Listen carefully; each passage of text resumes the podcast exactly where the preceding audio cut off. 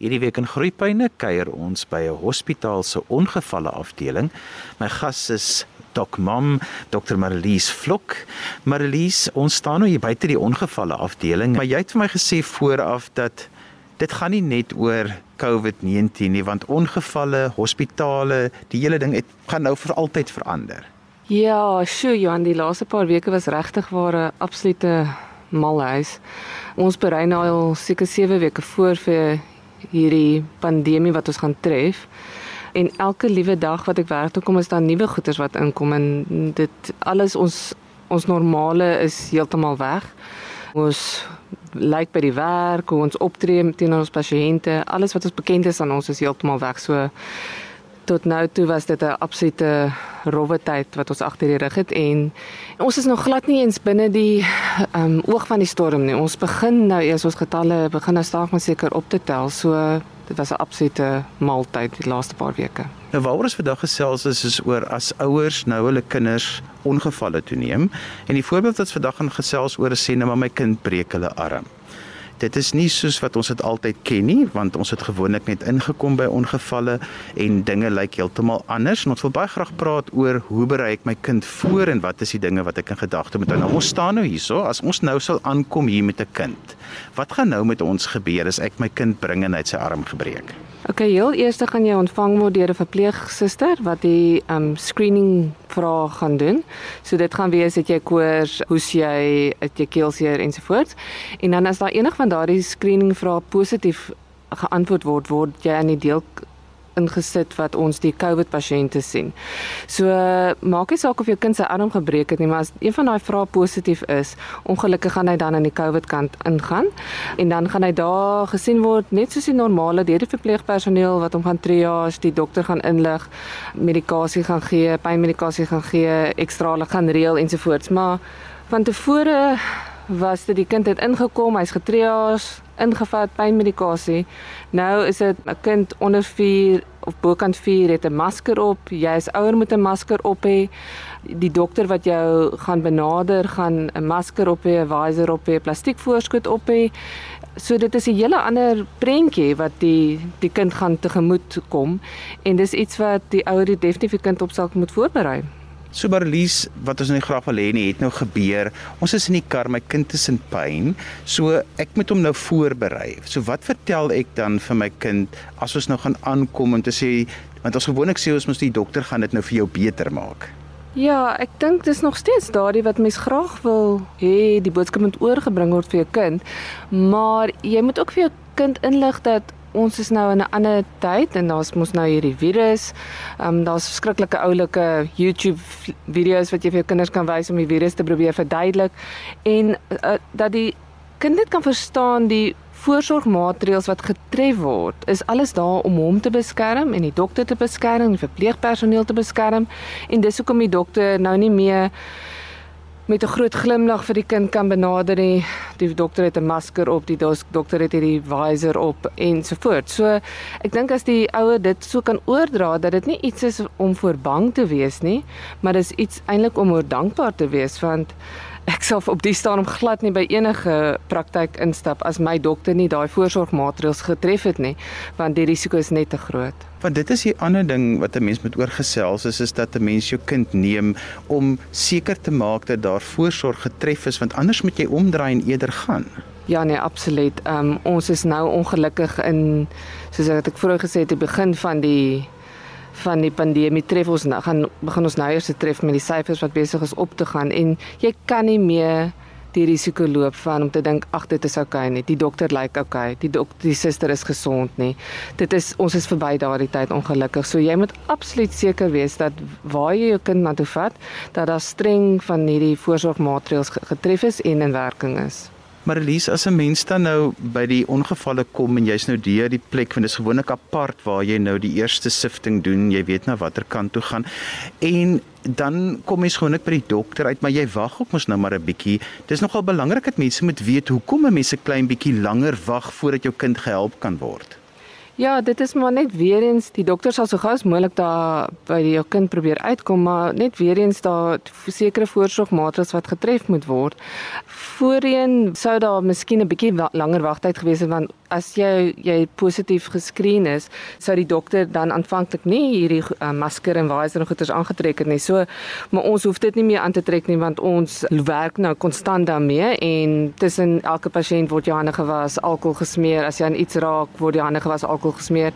En partykeer natuurlik as daar 'n pasiënt voor jou in die kamer is, is daar nou baie meer deeglike afvee van beddens ensovoorts omrede om net dit 'n so skoon en veilige omgewing te skep wat moontlik is. Kom ons praat 'n bietjie oor die aankom daar en positief toets. Dit is nogal gekompliseerd want moet albei ouers saamgaan, moet een ouer gaan, kan albei saam ingaan en hoe berei ek dan nou my kind voor oor al daardie prosedures wat julle moet volg. Ja, so as jy daar aankom, moet daar besluit word wat daar kan net ongelukkig een ouer saam met die kind ingaan. So die ander ouer, as albei ouers wil saamgaan, dan kan, kan die ander ouer in die kar gaan wag. Die ouer en die kind word geskreen dan. So as die kind geskreen word en daar's hy word negatief geskreen. So dit is beteken hy het nie 'n hoes of 'n koors of 'n keelseer of enige van daai goeters, maar die ouers skreen positief, gaan hulle dan nog steeds aan die kant ingaan wat ons die COVID area noem. En dis ook iets wat die ouers wel moet verstaan. So albei die enige persoon wat in hierdie in ons hospitaal inkom tans word geskreen. En as jy positief geskreen word, is daar sekere maatreëls wat getref moet word. Mens moet net ook onthou daar's verskillende goedes tussen screening en swabbing. So jy, jy mens moet net onthou dat jy kom na hospitaal toe vir jou kind se arm wat gebreek is. Maar as dit 'n geval is van jy kom hospitaal toe vir jou kind wat koors het en 'n hoes het, dan gaan hy positief skreen, maar daardie kind sal dan geswap moet word, want kinders kan op verskillende maniere presenteer met die COVID-infeksie wat baie keer anderste is as volwassenes. Daar's 'n verskil tussen 'n positiewe skreen en 'n negatiewe skreen en dan of jy geswap word of nie geswap word nie. So dit is die die verskillende goeters, maar soos daai kind wat ingekom het, hy gaan hy word positief geskreen nou. Ehm um, mamma word negatief geskreen, maar mamma gaan nou saam met hom in die COVID area in en dan gaan hulle wag vir die dokter. Die iets anderste wat anderste gaan wees as van tevore is voorheen sou die kind dan opgegaan het na die ekstrale toe of na die ekstrale departement toe. Maar deesdae enige persoon wat positief geskreen word, gaan die ekstrale afkom na ons toe om die ekstrale daar te doen en dit gaan maar weer eens om die vloei van die pasiënt van die pasiënte in die hospitaal so laag as moontlik te hou. Enige onnodige loop nie gebeur nie.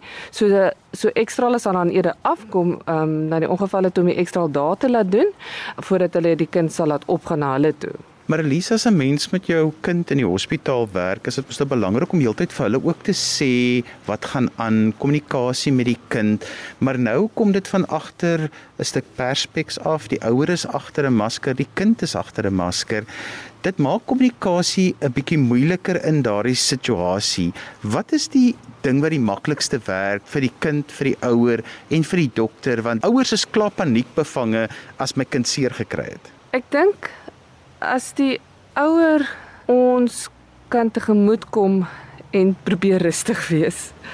Want ek dink ongelukkig op die stadium publiek vang miskien nie heeltemal dat die tipe stres en spanning wat ons die laaste paar weke deur is ons wêreld is om mekaar getuimel. Alles wat ons gewoonlik as mediese personeel benader het, goeders is weg. En ons weet party van die goeders weet ons self nie. So ons harte is daar om absoluut die veiligste moontlike omgewing vir jou kind en vir jouself te maak. En ek dink as as die ouer dit kan oor oordra na hulle kind toe. Ons weet jy kom in byvoorbeeld met jou kind se arms gebreek, maar dan moet jy verstaan dis weens riglyne wat aan ons gestel word deur baie intelligente mense wat hierdie goeders vasgesit het. Dis die rede hoekom jou kind as jou kind byvoorbeeld positief skreen wat hy dan ongelukkig in die COVID kant gaan sit. Nou mense kan ek agterkom raak baie sensitief dan selfs net maar hoekom moet ek nou in hierdie area sit my kind se arm is gebreek. Ons probeer nie snaaks wees nie, ons probeer jou nie meer blootstel aan dit of iets nie, maar ongelukkig dit is die protokolle wat opgestel is deur die intelligente mense wat heeltyd gekyk het na risikobeheer en dis een van die maniere wat ons risiko moet beheer en dis hoekom ons dit dan so instel. Maar Elise, want mense dink op hierdie stadium twee keer voor ek my kind hospitaal toe vat want jy weet dit is gekompliseer daar en daai twee keer dink is iets waaroor ons moet praat. Ek dink nie jy moet twee keer dink as jou kind in 'n ongeluk is of of siek is, uh, vat hom na jou dokter toe. Maar waar jy moet twee keer dink is waar jy hom vat. Soos ek vroeër gesê het, as jy gaan na 'n dokter toe en jy daag op die ontvangslokaal sit daar 10 mense op mekaar. Daar's geen afskeiding, niemand dra maskers nie. Niemand vra vir jou die screening vra nie. Die ontvangsdames het geen 'n perspek glas voor hulle nie. Jou dokter kom in sonder 'n masker of 'n visor. Jy nou hardloop uit so vinnig as wat jy kan. So dit gaan meer oor waar jy nou gaan en kyk of daar die sekere infeksiebeheer maatreëls toegepas word. So ek dink dit is meer gevaarlik om nie ongevalle toe te gaan as daar 'n probleem is en by die huis te sit en wag en top en die angs en die spanning wat dit by jou veroorsaak wat jy nie weet wat aangaan met jou kind nie as wat dit is om wel te gaan. So ek sê op die stadium word die protokolle so streng toegepas en elke dag kyk ons wat ons nog kan verbeter, hoe ons dit nog kan verminder, ehm um, hoe ons nog beter infeksiebeheer kan instel. So ek dink jy moet net meer kyk oor waarheen jy jou kind vat en of daardie infeksiebeheer maatreëls toegepas word al dan nie. Ek weet ook byvoorbeeld 'n besoekende praktyk is ook deesdae iets wat baie uh meer uh gereguleer word. Ek weet praktyke doen moeite en mens moet uitvind of wat is die prosedures. Byvoorbeeld party sê wag met jou kind in die kar, iemand kom uit om jou kind te kom haal want hulle moet ook hulle personeel beskerm en en dit is wat mense waardering vir hulle want al is jy angsbevange oor jou kind seer gekry het of jou kind is nou al vir dae koorsig of jy voel nie lekker oor iets nie, maar jy gaan sien jou praktisyn dat jy tog 'n waardering sal hê want dit beteken die praktyk het jou kind se beste belang op die hart. Ja, absoluut. En ek dink soos ek sê, ons is nou al die laaste 7 weke wat ons besig is met voorbereidings, inligtingsessies. Ons word daagliks gebombardeer met nog nuwe artikels. Wat is die nuutste riglyne? Wat is die nuutste voorstelle wat hulle kan maak? Elke dag is daar veranderinge in die in die hospitale. Hoe ons dit anders moet maak, hoe ons dit anders moet toepas. So ek dink dit is dis die groot ding wat ek maar net op die stadium die boodskap wat ek wil sal wil uitbring is dat pasiënte met 'n bietjie empatie kan inkom dat hulle kan verstaan dat ons as mediese personeel ons bes te probeer en dit gaan nie oor omdat ons nou snaaks is of laf is nie. Ek dink ongelukkig besef baie mense nog steeds nie heeltemal die ernsgraad van van hierdie pandemie nie en dat hulle net dink omdat ons nou in lockdown was vir so lank tyd en ons getalle nie regtig opgetel het nie dat dit nie ons gaan tref nie en dit is 'n absolute leuen. Maar ons praat oor maskers. Jy kan nie vir 'n baba 'n masker opsit nie of dit is wat my persepsie daarvan is of my ek neem aan dat jy dit nie kan nie. Verduidelik gou vir ons maskers en kinders en weet jy het ook kinders van verskillende ouderdomme so jy weet ook wat die wat die vrae rondom dit is. Ja, so die Wêreldgesondheidsorganisasie se voorstel op die stadium is niemand onder geen kind onder 2 mag 'n masker opsit nie weens die risiko van versmoring. So kinders onder 2 sit nie maskers op nie. Daar's ander die Kanadese riglyne is niemand onder 4 met 'n masker opsit nie want hulle sê die kind torring heeltyd aan 'n masker en vat heeltyd aan 'n masker eh, wat jy ook nou nie wil hê nie en dan is daar natuurlik die groep kinders wat byvoorbeeld ehm um, verstandelik gestrem is, autistiese kinders om vir hulle te probeer verduidelik waar 'n masker inpas is is so moeilik.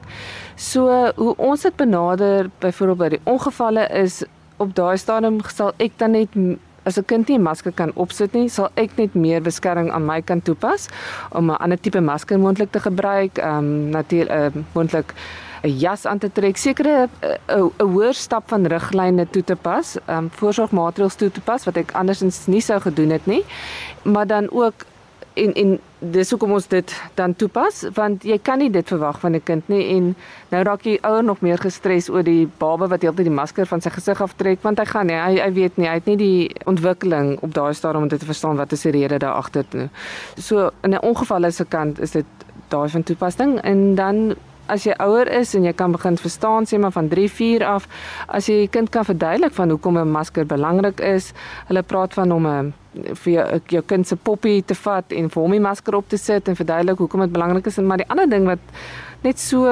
nodig is is vir ouers dat hulle vir hulle kinders kan verstaan die voorkant van 'n masker is die vuilkant. Sodat jy nie heeltyd daarin wil torring nie um, en dat hoe hoe belangrik dit is, is as jy voordat jy jou masker opsit om handhigiëne te doen. Nadat jy jou masker opgesit het, handhigiëne te doen. En ja, dat kinders gereeld sal gewys word om hulle hande te was Ja, want dit is iets wat ek opgetel het met kinders is dat hulle dink as jy die masker opsit, dan het jy nou die masker en en dit is dit, maar die skoonmaak van die masker, die versorging daarvan en al die dinge daarmee saam is iets wat 'n ouer met vir 'n kind nie moet gepas sonder om hulle ek wil amper sê bang te praat, maar jy by die erns van die situasie is so belangrik. Ek wil eintlik so 'n bietjie ek weet my situasie is anders want ek werk in ongevalle en so ons het baie meer blootstelling maar Ek wonder hoeveel keer 'n dag ek my hande was en oppervlaktes skoon maak en alkohol spuit en vir my om aan te trek my beskermingsklere vat.